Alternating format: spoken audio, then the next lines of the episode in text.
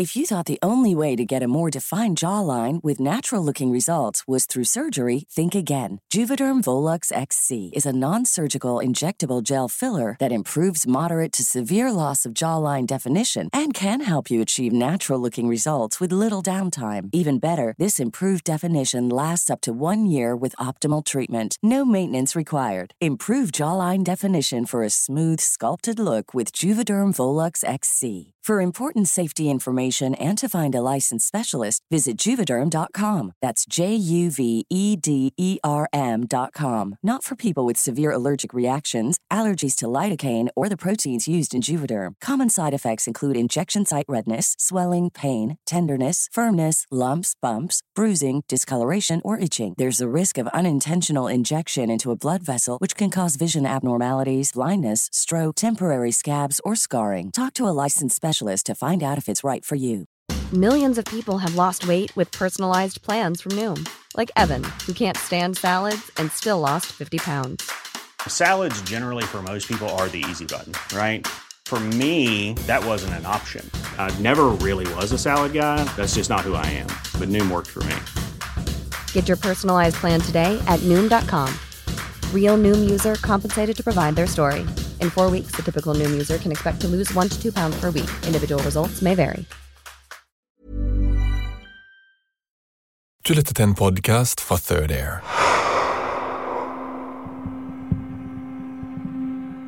Det er seint søndag kveld, i overgangen mellom kveld og natt. Natt til andre påskedag 2022.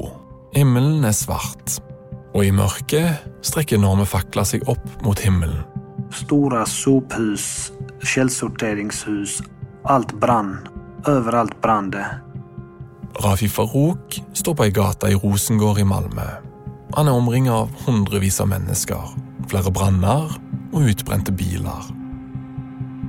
Han ser Rosengård men Du har bränder till höger och vänster om dig. Och mitt minne har nästan blurrat ihop sig kopplat till Rosengårdshändelsen för jag var så utmattad med så många dagar i mig. Just nu så har polisen tvingats fly bakåt för att det slängs massvis med sten mot dem just nu. Det är en, två, tre, fyra, fem, sex demonstranter som står uppe på taket på en polisbil och sparkar på sidan på polisbilens rutor. Eh, men just nu så behöver jag flytta på mig här nu för att nu kommer de och springer här åt mitt håll. Så vi tar lite skydd här bakom. Eh.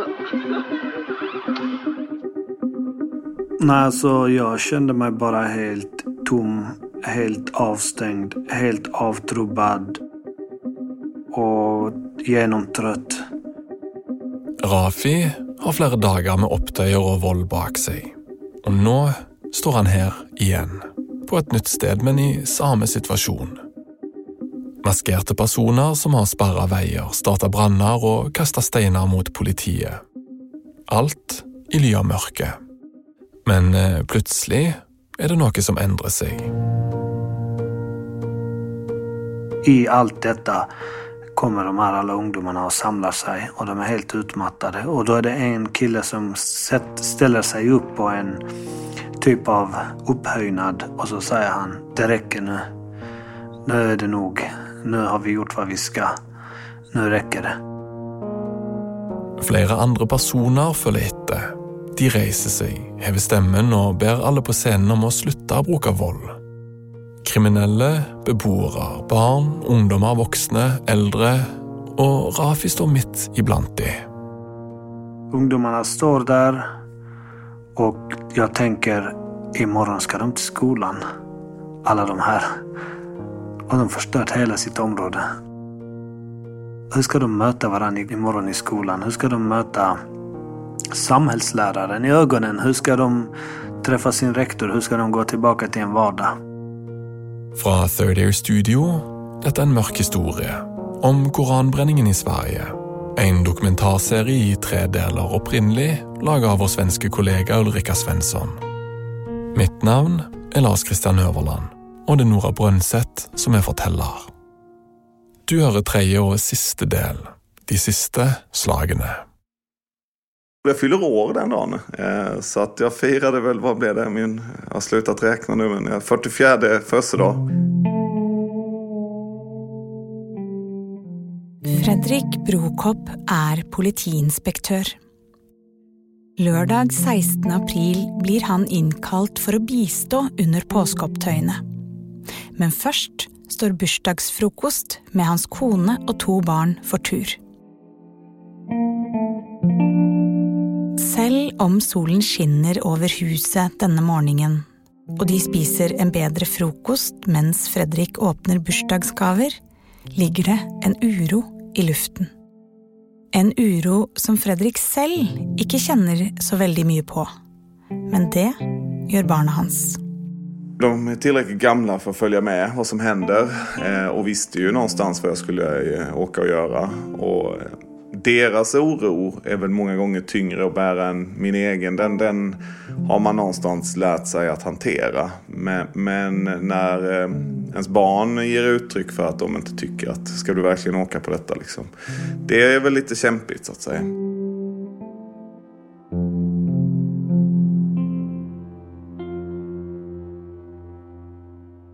Det finns ju en en väldigt stark symbolik i det på något vis. När de eh, stod övertända och eh, det inte var några poliser i närheten. Bussarna är ju vårt primära skydd. Och det var väl lite så att vi var lite förvånade över att, att då fordonen helt enkelt stod eh, lämnade på det viset. Fredrik ska snart förlata familjen och sätta sig i bilen för att köra till Malmö. Det er tredje og siste dag på Rasmus Paludans turné denne påskehelgen. Den siste dagen han har fått tillatelse til å holde et folkemøte. Møtet skulle i utgangspunktet holdes i Landskrona, en by i Skåne, men i siste øyeblikk endret politiet stedet. Polisen har bestämt sig för att ändra platsen för den högerextreme Rasmus Paludans sammankomst. Sammankomsten skulle varit i Landskrona men efter upploppen i Mellansverige flyttas den nu till Malmö. Se för dig en rasteplats i Skånes flata landskap. Rasteplatsen heter Skånegården och är omringet av en klassisk skånsk landsbygd med hus med vita väggar och mörk stråtak. Och runt är dyrkade marker. Det er den første rasteplassen du kommer til hvis du kjører på motorveien fra Danmark til Sverige. Like etter Øresundsbroen. Der skal Rasmus Paludans samling holdes. Jag vet att han själv gav uttryck för att han var ju naturligtvis inte alls nöjd med detta. Men fick väl någonstans finna sig i det.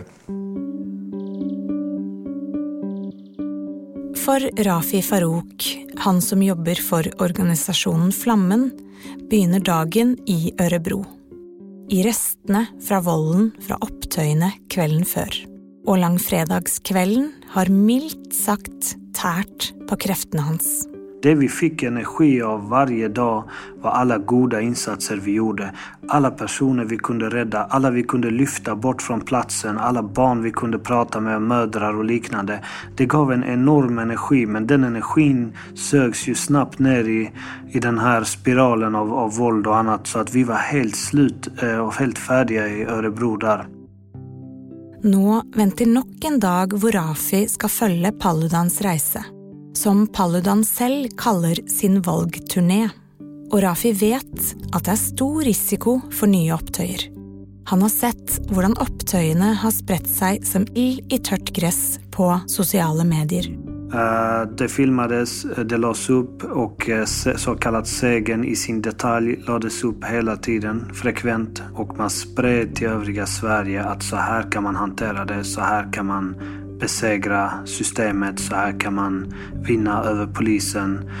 Eh, och eh, uppmanade andra områden att göra likadant. Eh, och det blev ju som en trend nästan. För då skulle varenda område därefter göra lite värre och visa vilket utsatt område i Sverige som är värst. Nu skulle han till Malmö igen och det fann vi både glädje i, i form av att vi får komma hem men också skräck i vad ska Malmö ställa till med. Det är jättebra. Välkomna. Tack.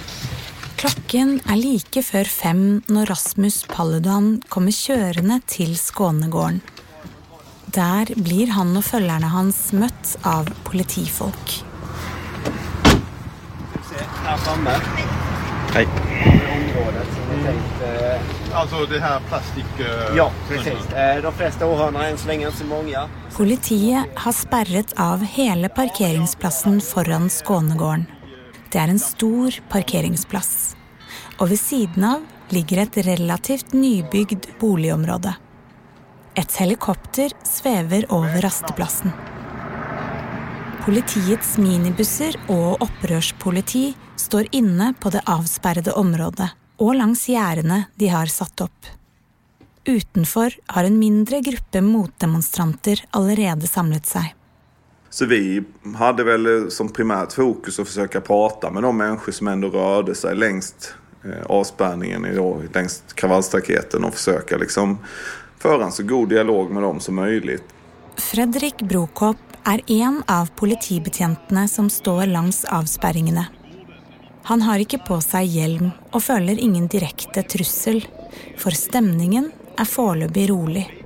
Han prøver bara att snakke med de som har samlat sig langs gjerdene. Eh, nu var det ju många som inte alls ville prata med oss men det var ju mycket diskussioner kring liksom, varför står ni här och försvarar detta och försöka förklara det här då med att eh, de lagar och regler som vi har att följa så, så är det här vårt uppdrag idag. Liksom. Eh, och det innebär inte att, att vi tycker varken det ena eller det andra utan att han ska ha möjlighet att få framföra de här åsikterna. Rasmus Paludan gör sig klar, tar tag i megafonen och ställer sig mitt på parkeringsplatsen. Han snur sig mot motdemonstranterna och vinkar. Denna gången tar han fram några rå baconskivor han åpner en kopi av Koranen og legger demonstrativt baconskivene inn i boken, som noen slags bokmerker. Han holder Koranen i luften og retter den mot menneskene som er samlet på den andre siden av gjerdene. Ja, nu har vi förberett lite, lite grisar bacon i Koranen och eh, man kan säga att nu har den här Koranen blivit lite renare. Så kaster han boken ned på asfalten, og tilhengerne hans heller tennvæske over den. Og så tenner Rasmus på. I tre timer gjør han akkurat det han pleier.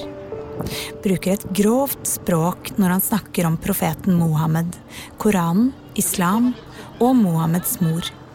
Samtidig brenner han koran etter koran. Han irriterer seg over at det avsperrede området er så stort at motdemonstrantene er langt unna ham.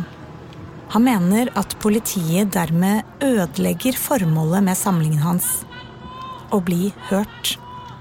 Motdemonstrantene på andre siden av gjerdet roper på ham i flere omganger. De er tydelig opprørte. Så under tiden han så att säga, kör detta så känns det väl lite som att eh, det spelas på djungeltrumman och det kommer ju mer och mer människor hela tiden. Motdemonstrantene har sakte, men sikkert økt til rundt 100 stykker. Och allt eftersom så blir ju stämningen på platsen mer och mer irriterad och upprörd. Det kastas in stenar, fyrverkerier eh, in mot den här avspärrningen då. Och där Rasmus står. Klockan tio över halv sju kommer en bil körande i en parallell gata till demonstrationen. Den kör längs boligområdet. Paludan gjentar sina grova karakteristikker av islam och Mohammed i megafonen sin, på maximalt volum, mens personbilen nå begynner å akselerere. Den kjører ut på gresset mellom gata og de oppsatte gjerdene.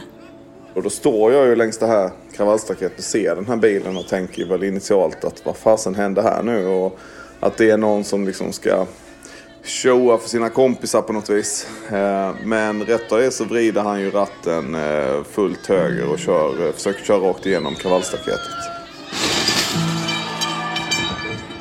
Bilen sätter sig fast, men lager hull i gjerdet, Och Fredrik står rätt i närheten. Och då har jag inte fått på mig min hjälm. Och det, den här bilen blir ju ett enormt liksom, fokus och det regnar ju in sten och elände. Så att jag har ju ett antal kollegor som ju agerar mänsklig sköld där medan jag får liksom, på mig hjälmen. Eh, det är oroligt vid den danske högerextremisten Rasmus Paludans sammankomst i Malmö. Stenar har kastats mot poliserna och polisen uppger att de har använt pepparspray mot stenkastarna. Enligt polisen har en kvinna fått en sten i huvudet och hon får hjälp av ambulanspersonal på plats. Sammenstøtene beveger sig in i Bunkeflostrand, ett boligområde i närheten av rasteplassen. Det kastes stein mot politifolk og politihester på stedet. Noen klatrer opp på et tak og kaster stein mot politibilene. På parkeringsplassen bak sperringene står Rasmus Paludan med megafonen sin. Eh, och sen så pågår det så länge han egentligen är igång. Rafi Farouk og kollegaene hans har vært på denne rasteplassen før, i samme æren, å motvirke vold under Rasmus Paludans sammenkomster. Det var inget våld då, eller inget stort våld. Och det var nog inte många som skulle söka sig dit, tänkte vi. Och Malmö har ju ändå varit rätt så lugnt. Men når de ankommer rasteplassen denne dagen, blir de møtt av det motsatte. En opphisset folkemengde som har begynt å kaste stein. Men Rafi Farouk är välkommen. En av mina första minnen när vi kommer till platsen är att en ungdom i mask skriker ah, nu kommer flamman som ett glädjeutrop. Det är hemmabas. Så att eh, vi går direkt fram och hälsar på de här killarna. Och vi tar alla i hand som står där. Fastän de är maskerade, fastän de är i bråk med polisen, så går vi fram, skakar hand med dem och säger hej, vad gör du, hur är det, vad händer? Folkene på stedet er ikke fremmede for Rafi. Noen av dem har han kjent hele livet. Vi har en väldigt stor respekt bland de här ungdomarna.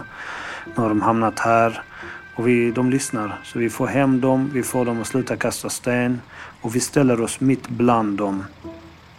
Klokken er åtte på kvelden når Rasmus Paludans sammenkomst avsluttes.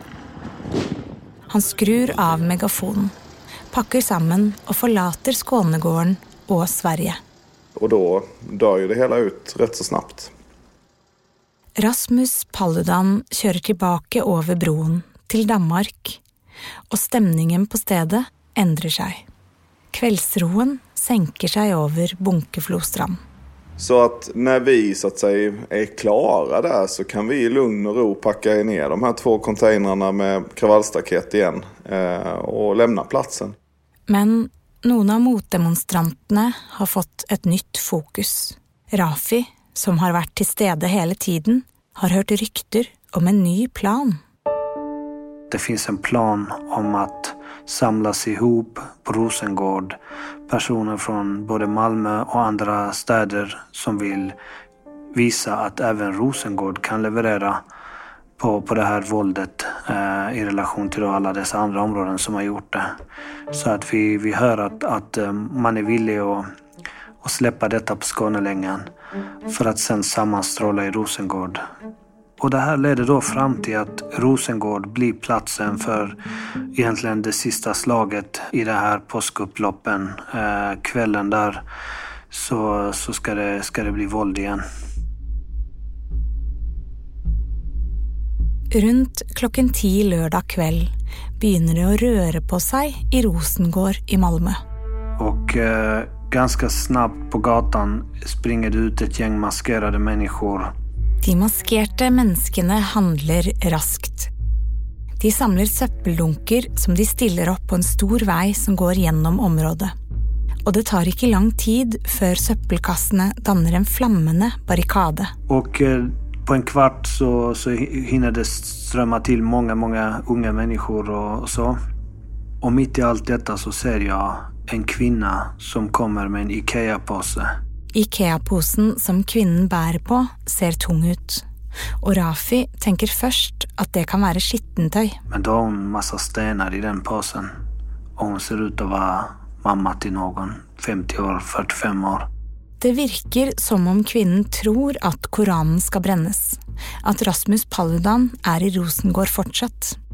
Det är ju både desinformation under hela den här tiden om att eh, Paludan är här eller han är där och han bränner Koranen eller han har bränt den eller och så vidare. Ingen vet riktigt vad som stämmer i det där utan folk bara reagerar. Eh, och när de ser att alla rubriker i tidningarna handlar om detta så, så, så blir det ett upplopp och upplopp har den förmågan att ena människor samla dem och aktivera dem i, i upploppet. Så, så det, det, det, dyker upp alla möjliga människor och man tänker att det är det enda rätta att göra. Det blir som en folkrörelse som ställer sig upp mot en typ av orättvisa. Det är ingenting jag försvarar eh, men när man är i det så, eh, så ser man varför det blir så och hur folk eh, uppmuntrar varandra. Rafi Farouk snur sig mot kvinnen med Ikea-posen på skulderen och förklarar tydligt att Rasmus Paludan förlot Malmö och Sverige för länge sedan. Och till slut klarar han att överbevisa henne om att ta med sig posen hem igen. Och jag får i alla fall iväg henne och eh, jag hinner nog inte ens vända mig om. Så ser jag att ungdomar har stoppat en stor grön stadsbuss och eh, de hoppar in i den bussen. Och jag står kanske 100 meter bort. Det är en ledbuss som står längre ned i vägen. Inne i den sitter både passagerare och en busschaufför. Ungdomarna som har gått in i bussen häver stämmen och ropar. Allihopa ut ur bussen. Och folk fattar inte. Vadå ut ur bussen? Det sitter väl kanske 30-40 personer på bussen. Och när de inte fattar så slänger de en sån här molotov cocktail brinnande rakt ner på mattan i bussen och smäller den och då slår flammorna upp och då springer alla ut ur bussen. Lika efter att alla har förlatt bussen smäller det. Och det är inte ett litet smäll vi snackar om. Ekar över hela staden nästan bussen sprängs. Och sen varje däck, det är många däck på en buss, varje däck som sprängs så låter det som väldigt mycket. Fredrik Brokopp och hans politikollegor har allerede tidigare på kvällen varit runt i Rosengård och slukket søppelkastbranner som ungdomarna har påsatt. Nu får de information om den brännande bussen och de skyndar sig dit med sirenerna på den brinner ju och den, den är ju helt övertänd. Så att det, det är ju en rejäl brasa liksom. Ehm, och då är det ju naturligtvis så att det, det blir ju som sockerbiten som alla dras till. Uppgiften till Fredrik och resten av politiet är att hålla folk på avstånd. Slik att nödetatene får slukket branden. Men den stora branden och de kraftiga explosionerna för raskt till att stället fylls upp med folk. Och där, därifrån sen så får ju den här dagen eh, en fortsättning med upplopp i princip under stora delar av natten inne på Rosengård. I motsättning till tidigare på dagen är vålden nu rättat direkt mot politiet. Det här fanns ju inte Rasmus Paludan utan här var ju vi motståndaren. Och då är det ju naturligtvis så att är inte vi där så är det ju ingen att bråka med. Så att utifrån det eh, så eh, försöker vi initialt att, så att säga, dra tillbaks eh, den synliga resursen så mycket som möjligt. Samtidigt så öppnar ju det då kanske också för att de här individerna som då vill ha oss på plats för att få den här motståndaren att man också eh, eskalerar det här ytterligare. Upp till 200-300 människor anslås att delta i upptöjene i löpet av natten. Och det sker över hela Rosengård. Det sker på Bennets väg, det sker på Rammels väg. Och eh, i timmar är det enormt eh, upplopp. Och det pågår hela, hela natten. Det blir ju lite av en katt och råtta-lek där de känner området ganska väl, kan gömma sig på innergårdar, i trappuppgångar och så vidare. Och där vi någonstans försöker att, att hålla ut för att vi är mer uthålliga än vad de är. Och i slutändan så, så bygger det på att när de inte orkar med sig så tar ju detta slut. Liksom. Efter en orolig natt i Malmö där bland annat personer kastat sten och molotovcocktails mot polisen har situationen nu blivit lugnare. Klockan är tre om morgonen när upptöjene i Rosengård sakta ebber ut. Det är tidig morgon söndag 17 april, första påskedag. Rasmus Paludans tillåtna turné är över för denna gång. Han är i København. Men på Facebook skriver han att han ska tillbaka till Sverige, allerede idag. Han säger att han ska till Skaggetorp i Linköping och till Navestad i Norrköping. Reporter Tahir Josef, som jobbar för P4 Östergötland, har hört om Paludans planer om att returnera till Sverige. Men han har ett hopp om att det inte ska bli någon opptøyer denna gången, fordi Rasmus inte har fått tillåtelse til att hålla flera sammankomster. Och då kände jag direkt att det här kommer att bli en liknande situation. Men samtidigt säger polisen att han har inte tillstånd. Så det fanns en gnutta hopp att eh, ja, men folk kanske förstår att han får inte göra det när han inte har tillstånd. Och det var ju en förhoppning att ja, men då kanske blir det lugnare än skärtorsdagen. Det är stilla i Skaggetorp när Tahir ankommer stället lika före lunch. Samtidigt märker vi att det finns en misstänksamhet. Han kommer säkert, med tanke på att de kommer fram och frågar oss, vet ni var kommer han vara? Vet ni om han kommer att bränna Koranen en bit bort eller? Så känslan är att de vill få mer information och vi säger att vi vet inte. Vi eh, har kommit hit för att se vad det är som händer här. Politiet är allerede på plats. Tahir ser hur politiet och motdemonstranterna står på var sin sida av Skaggetorp. Det fanns ingen kommunikation mellan demonstranterna och polisen. 500 meter mellan dem. Demonstranterna ville ha information och ville stoppa någonting som de misstänkte kommer att äga rum någonstans. Och polisen förväntar sig att det värsta kommer att hända. Say hello to a new era of mental health care. Cerebral is here to help you achieve your mental wellness goals with professional therapy and medication management support. 100% online. You'll experience the all new Cerebral Way, an innovative approach to mental wellness designed around you. You'll get a personalized treatment plan from a therapist, prescriber, or both in a safe and judgment free space. Your cerebral therapist or prescriber will outline a customized plan with clear milestones along the way so you can get to feeling your best. With Cerebral, you're not alone in your mental health journey. We're here to empower you to live a fulfilling life. So take that first step towards a brighter future and sign up today at cerebral.com slash podcast and use code ACasts to get 15% off your first month. Offer only valid on monthly plans. Other exclusions may apply. Offer ends July 31st, 2024. See site for details. Hey, I'm Ryan Reynolds. At Mint Mobile, we like to do the opposite of what Big Wireless does. They charge you a lot we charge you a little. So naturally, when they announced they'd be raising their prices due to inflation, we decided to deflate our prices due to not hating you.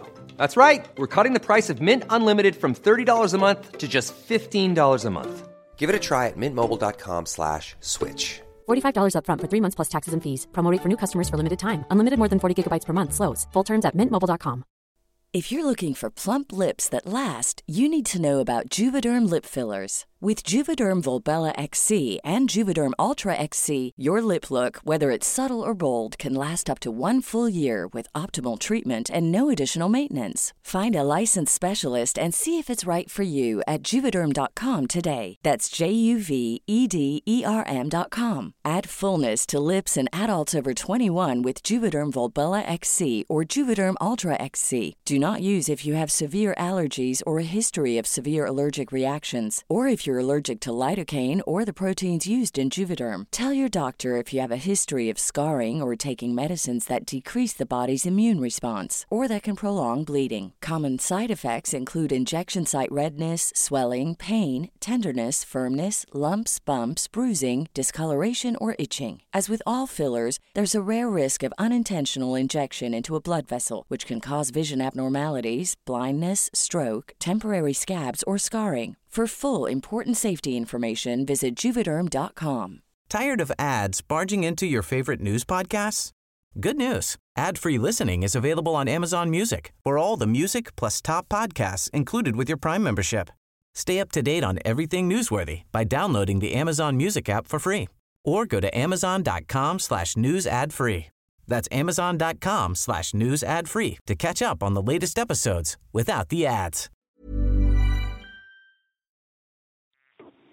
Från eh, 1420 områdespolisen. Vi rullade en bit ifrån här vid Kida, Skäggetorps centrum. Det luktar väldigt starkt av tändvätska på hela parkeringen. Eh, Q1 kom. Det är väldigt spänt. Det kommer att explodera när som helst. SOS 112, vad har inträffat? Eh, polisen Linköping, tack. Vad är det som har hänt? Eh, det tipsar om Skäggetorp. De håller på och mobiliserar sig nu och har stora såna här asfaltstenar, typ. Mm, jag kopplar dig. Varsågod. Ja, tack. Det är så att det är fyra ungdomar som har tagit sönder en vit bil och tänt uh, tändvätska i bilen. Och jag är rädd att den börjar brinna när som helst. Och rutan har alltid fått trasigt. Det är en vit skåpbil som har gått sönder här. På en parkeringsplass foran Skaggetorp sentrum eskalerer stämningen raskt. Politiet er forberedt. De kjører inn med sikrede minibusser fullastet med opprørspoliti. Steinene som treffer de forsterkede glassrutene, dunker mot politimennene som sitter i minibussen. Om og om igjen. Där borta är bangers och sten. kommer det stenar. Höger bak. Bakom! Backa, backa, backa. Akta! Shit, skjuter varning. Ska vi gå ut? Urlastning. Urlastning. Urlasta. Hjälp Dondi, hjälp. Ja, Q4 från eh, Delta 27. Då har vi kollegor som har dragit vapen till lika kännedom också. I den eh, lägesnivån vi är på. Stopp. Tahir Josef, reporteren på torget, håller sig på avstånd. Vi har ju placerat oss och bilen på så sätt så att vi kan närmare sig kravallerna oss så kan vi direkt sätta oss i bilen och åka ut. Bilen har ryggen mot kravallerna och inte med nosen mot kravallerna. Strategiskt tänkande att eh, hur ska vi göra ifall om det kommer närma oss? Då måste vi på fem sekunder lä- lämna området. Fra Tahirs posisjon har han problemer med å få med seg hva det er som faktisk trigger sammenstøtet. Alltså jag, jag såg ingen motiv till varför det började. Sen kommer det ännu fler piketbilar. Det blir bangers som smäller eh, och rena rama krigsscenliknande när polisen och ungdomarna och demonstranterna kastar sten, springer iväg, polisen jagar dem, kommer tillbaka. Jag vet inte hur jag ska beskriva det. På så nära håll ser jag sammandrabbningen. P4 Östergötland för det är spänt läge just nu i Skäggetorp i Linköping efter att nya uppgifter kommit om att högerextreme Rasmus Paludan ska återvända till Linköping. Reporter Tahir Josef, du är på plats i Skäggetorp. Vad händer runt Ja. omkring dig just nu? Eh, det jag hör just nu det är mycket intressant. Jag tror det är eh, verser ur Koranen som Eh, spelas upp i någon högtalare på avstånd vilket har gjort att hela stämningen blivit mycket, mycket lugnare. Men som sagt, det var mycket dramatiska scener för några minuter sedan som nu har lugnat ner sig. En personbil har kört in på parkeringsplatsen. Kvinnen som kommer ut, öppnar alla bildörrarna och ut av bilen strömmar vers från Koranen spelar eh, bilstereon på högsta volym. Och det var ju plötsligt hela centrumet blev lugn. Tahir nærmer seg kvinnen som står ved bilen. Vad är det du gör? Varför gör du det här? Frågar jag honom. Ja, men det är mitt sätt att försöka få slut på den här galenskapen som hon beskrev. Jag vill inte ha det här. Och pekar på kravallerna och hur ungdomarna beter sig. Det er som om alle på parkeringsplassen stopper opp. Politi, demonstranter, tilskuere, beboere. En kort stund blir Skaggetorp helt stille. Det man hörde från några att polisen är här för att försvara Paludan, att genomföra koranbränningen. Det var vad en del trodde och, menade att han är här för att göra det och polisen ska försvara honom. Så många misstänkte att det här kommer att äga rum ändå. Men Rasmus Paludan är inte i Skagetorp. Polisen vet inte var han är. Polisen har inte gett någon tillstånd till Paludan varken för att komma hit idag eller till Norrköping som han har sagt att han ska gå tidigare. Så eh, för tillfället är de bara eh, avvaktande för att ingripa om det skulle hända något nytt igen. Samtidigt som roen har lagt sig i Skagetorp centrum, begynner stämningen i Navestad och Ulme. Klockan är snart tre på eftermiddagen när Tahir Josef får en telefon. Då får vi rapporter om att nu har det börjat i Norrköping. Om du följer Europaväg 4 kommer du dig från Skagetorp till Navestad på bara 30 minuter. Tahir och hans kollega sätter sig in i bilen och de följer motorvägen uppöver landet. När de närmar sig avkörseln till Norrköping ser Tahir ut av vinduet. Det vi ser på avstånd, svart rök som stiger mot himlen. Och då förstår vi att här är det ännu allvarligare än i Linköping. Alltså det var ju betydligt värre än det som var under skärtorsdagen och betydligt värre än det som vi hade precis bevittnat i Linköping i Skäggetorp. Det var kravaller, bilbränder överallt. Alltså fyra, fem bilar på olika ställen. Parkbänkar som sattes i brand. Vi är tillbaka i Navestad centrum. Samma sted som Paludan egentligen skulle hålla en sammankomst skärtorsdagen. Men som han aldrig kom sig till. Det området med en gangbro mellan två boligområden byggt i ringform, som vi fortalte om i episode 1. På gangbroen där, mitt mellan områdena, har någon maskerade personer allerede samlat sig och byggt spärringer. Gangbrua ser ut till att vara under oppussing, och gjerdene som är brukt till att spärra av för renovering, är brukket lös och brukas nu som blockade. Den stora blockaden är satt i brann, och bak sperringen på parkeringsplatsen nedenfor slår stora flammor upp i luften från en brännande bil. Och det var ingen läge överhuvudtaget för oss att bege oss in i området. Ja, eh, vi har ju försökt att åka in i området men det är totalt avspärrat från alla håll. Det är oroligt här i Navesta området och många polisbilar som står och avvaktar ifall om läget blir ännu mer dramatiskt så kommer de att gå in.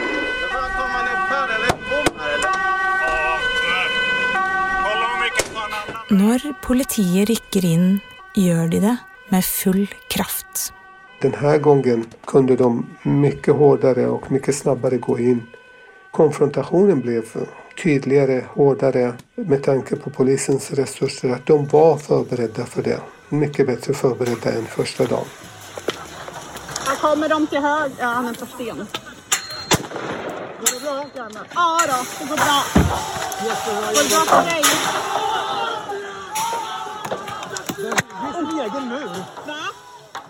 Politiet övertar kontrollen över gangbrua, och demonstranterna drar sig in på parkeringsplatsen föran och in i boligområdena runt brua. Men steiner, träplankor, fyrverkeri och molotovcocktails fortsätter att hagla mot hundepatruljer, upprörspoliti och politiets minibussar i och runt Navestad centrum. På röd sida om centrumet har vi stenkastning och större hyror som har tagit sig runt. Eh, tar sig tillbaks ut mot på bron.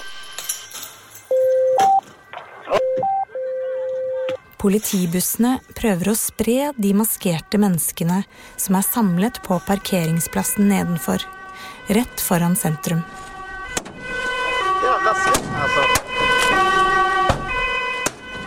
Mycket hårdare sammandrabbning. Polisen var inte chockad på samma sätt som första dagen. Att oj, vad är det som händer? Chocktillståndet hade försvunnit och då kunde de agera betydligt mer bestämt under söndagen.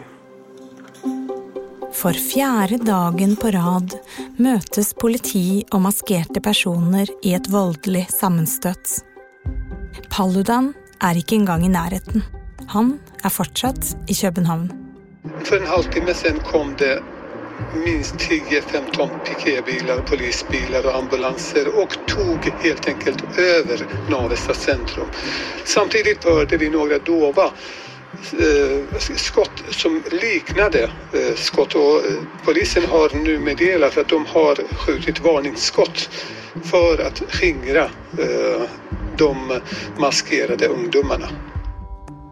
Denne kvelden ender med at tre personer blir skadet av rikosjetter.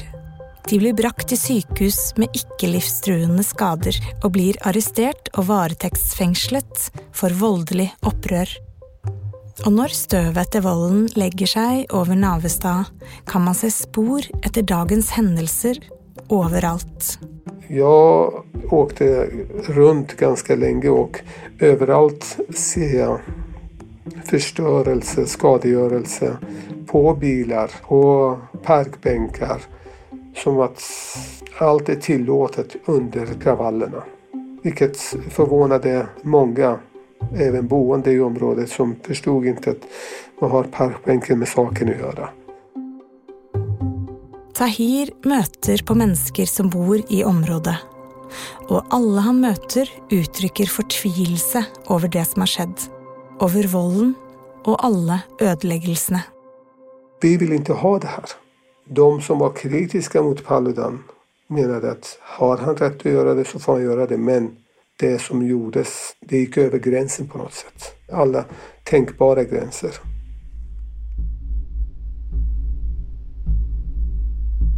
På kvelden samme dag, søndag første påskedag, er Rafi Farouk tilbake i Rosengård. Han har bare vært borte i de timene på døgnet mens solen er oppe. Og så snart mørket senker seg over Rosengård, er det som om hele gårsdagen gjentar seg. Samma sak igen, samma tid, samma kanal så att säga. Klockan 22 smäller det igen. I Rosengårds gater bryter det ut opptøyer. Akkurat på samme måte som kvelden før flere steder. Med vold og branner. Så att det är ju när mörkret kommer och, och så här så, så händer det igen. Och så är det samma sak där. Så länge folk orkar vara vakna så, så håller det på. Politibetjent Fredrik Brokop er der igjen. Det tänds eld på bilar. eh, Det tänds eld på eh, ett massa miljöhus eller sophus. Och räddningstjänsten väljer ju rätt så aktivt att är det ingen spridningsrisk så åker man inte in utan då får det brinna ner. Etter at nødetatene har opplevd å bli angrepet under noen av de siste dagens opptøyer, rykker de nå kun ut til meldinger som handler om å redde menneskeliv. Det ger ju en väldigt eh, surrealistisk bild liksom när, när det, man ser de här övertända husen stå och bara brinna ner. En kollega till mig, hans bil blev uppbränd, som är på plats och jobbar med oss. Ingen kunde ana omfattningen av hur stort det skulle bli. Till slut bränner till och med skolan i Rosengård. Brannen ödelägger omtrent en fjärdedel av bygget. Samtidigt står politiet överför samma steinkasting som tidigare. Där är ju individer som då vill framförallt då ge sig på oss och då blir det ju mycket, det är ju framförallt stenkastning som, som är det som vi möter. Så att vi står ju i en, en korsning och det är samma som man då har sett på andra platser återupprepas ju. Att det drar ju till sig väldigt mycket så att säga, åskådare. Så det blir väldigt, väldigt mycket människor på plats. Samtidigt som det är ett ganska fåtal som, som vi då så att säga ska egentligen, eller vill komma åt och ingripa mot. Opprørerne virker utrettelige. Opptøyene pågår nesten hele natten, til klokken fire på morgenen. Den där sista natten, klockan fyra på morgonen, så hade man bränt ner allt man kunde bränna ner. Rafi står i en ødelagt gate i Rosengård. Og nå ser han at folk på stedet reiser seg og ber om å få en slutt på all volden. Det räcker nu. Nu är det nog. Nu har vi gjort vad vi ska. Och en annan kille ställer sig upp och försöker uppmana dem med alla fina ord han kan komma på för att få folk att sluta. En boende i området. Och en annan kriminell kommer ner och säger till alla, nu räcker det. Ni har förstört hela jävla området. Jag har fått nog. Han ser att folkene samlas. De blir stilla og begynner å lytte.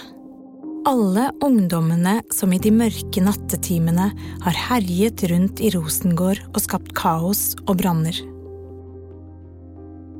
Så att eh, ungdomarna står där och jag tänker imorgon ska de till skolan. Alla de här. Och de har förstört hela sitt område.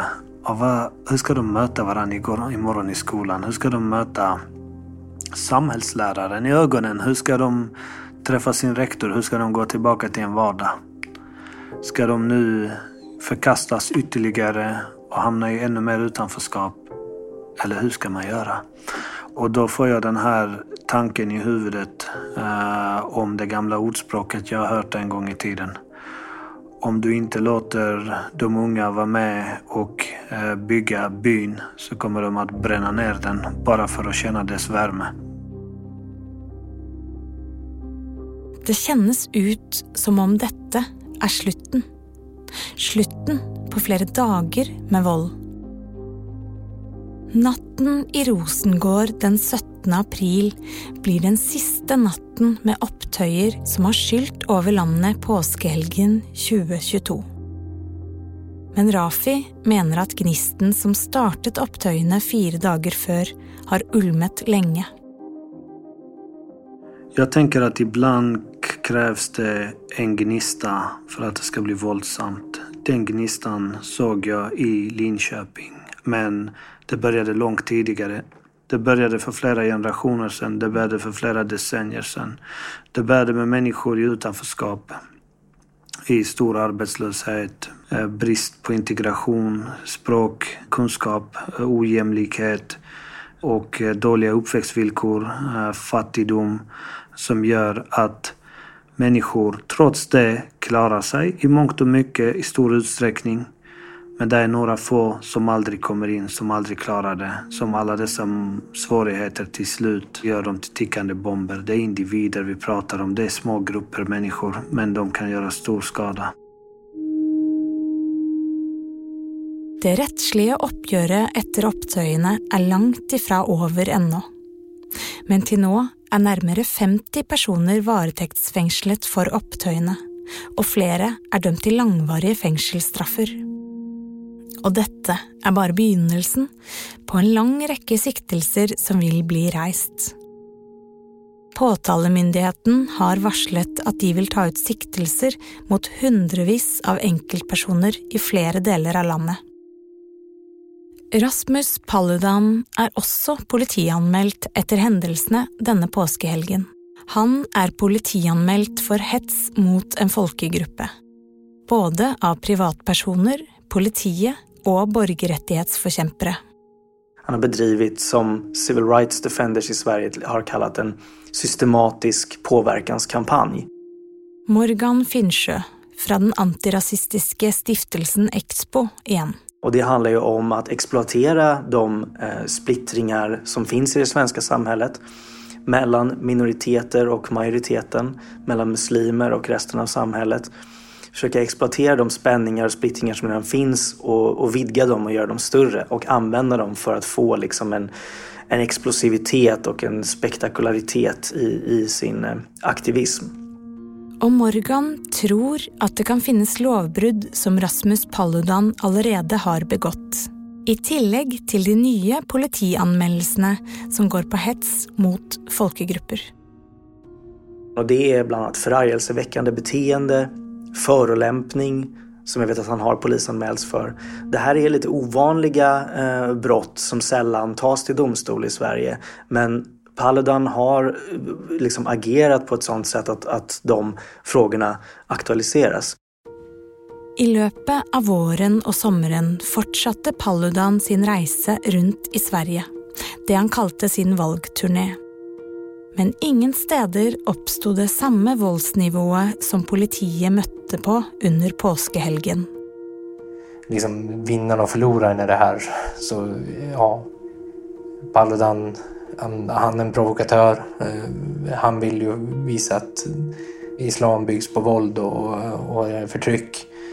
Och å andra sidan mot demonstranterna, de vill stoppa koranbränningen och, och de tyckte de vann för att de stoppar ju den liksom. Politibetjent Linus Elf, som jobbet i Sveaparken på Långfredag. Och så alltså, mittemellan står, står vi i samhället, demokratin. Så jag kände, varit mycket ledsen över det. Liksom att, ehm, att jag tyckte den stora förlorarna, det var egentligen vi som samhälle. Liksom. Ehm, att, att vi har hamnat här. För jag tycker inte det ska behöva vara så. Du har lyttet til den tredje og siste episoden av Koranbrenningen i Sverige. En dokumentarserie opprinnelig laget av Ulrika Svensson, med David Mehr som produsent. Denne versjonen er fortalt av Nora Brønseth og klippa av Rasmus Bitz. Lydmiks er av Gustav Sondén. Hvis du likte denne serien eller andre serier som vi lager, så blir vi veldig glad om du deler det videre med folk du tror kan like det her. Og en siste ting.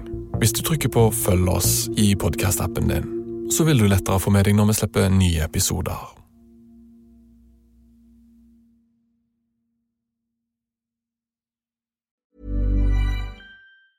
Tired of ads barging into your favorite news podcasts? Good news. Ad-free listening is available on Amazon Music for all the music plus top podcasts included with your Prime membership. Stay up to date on everything newsworthy by downloading the Amazon Music app for free or go to amazon.com slash news ad free.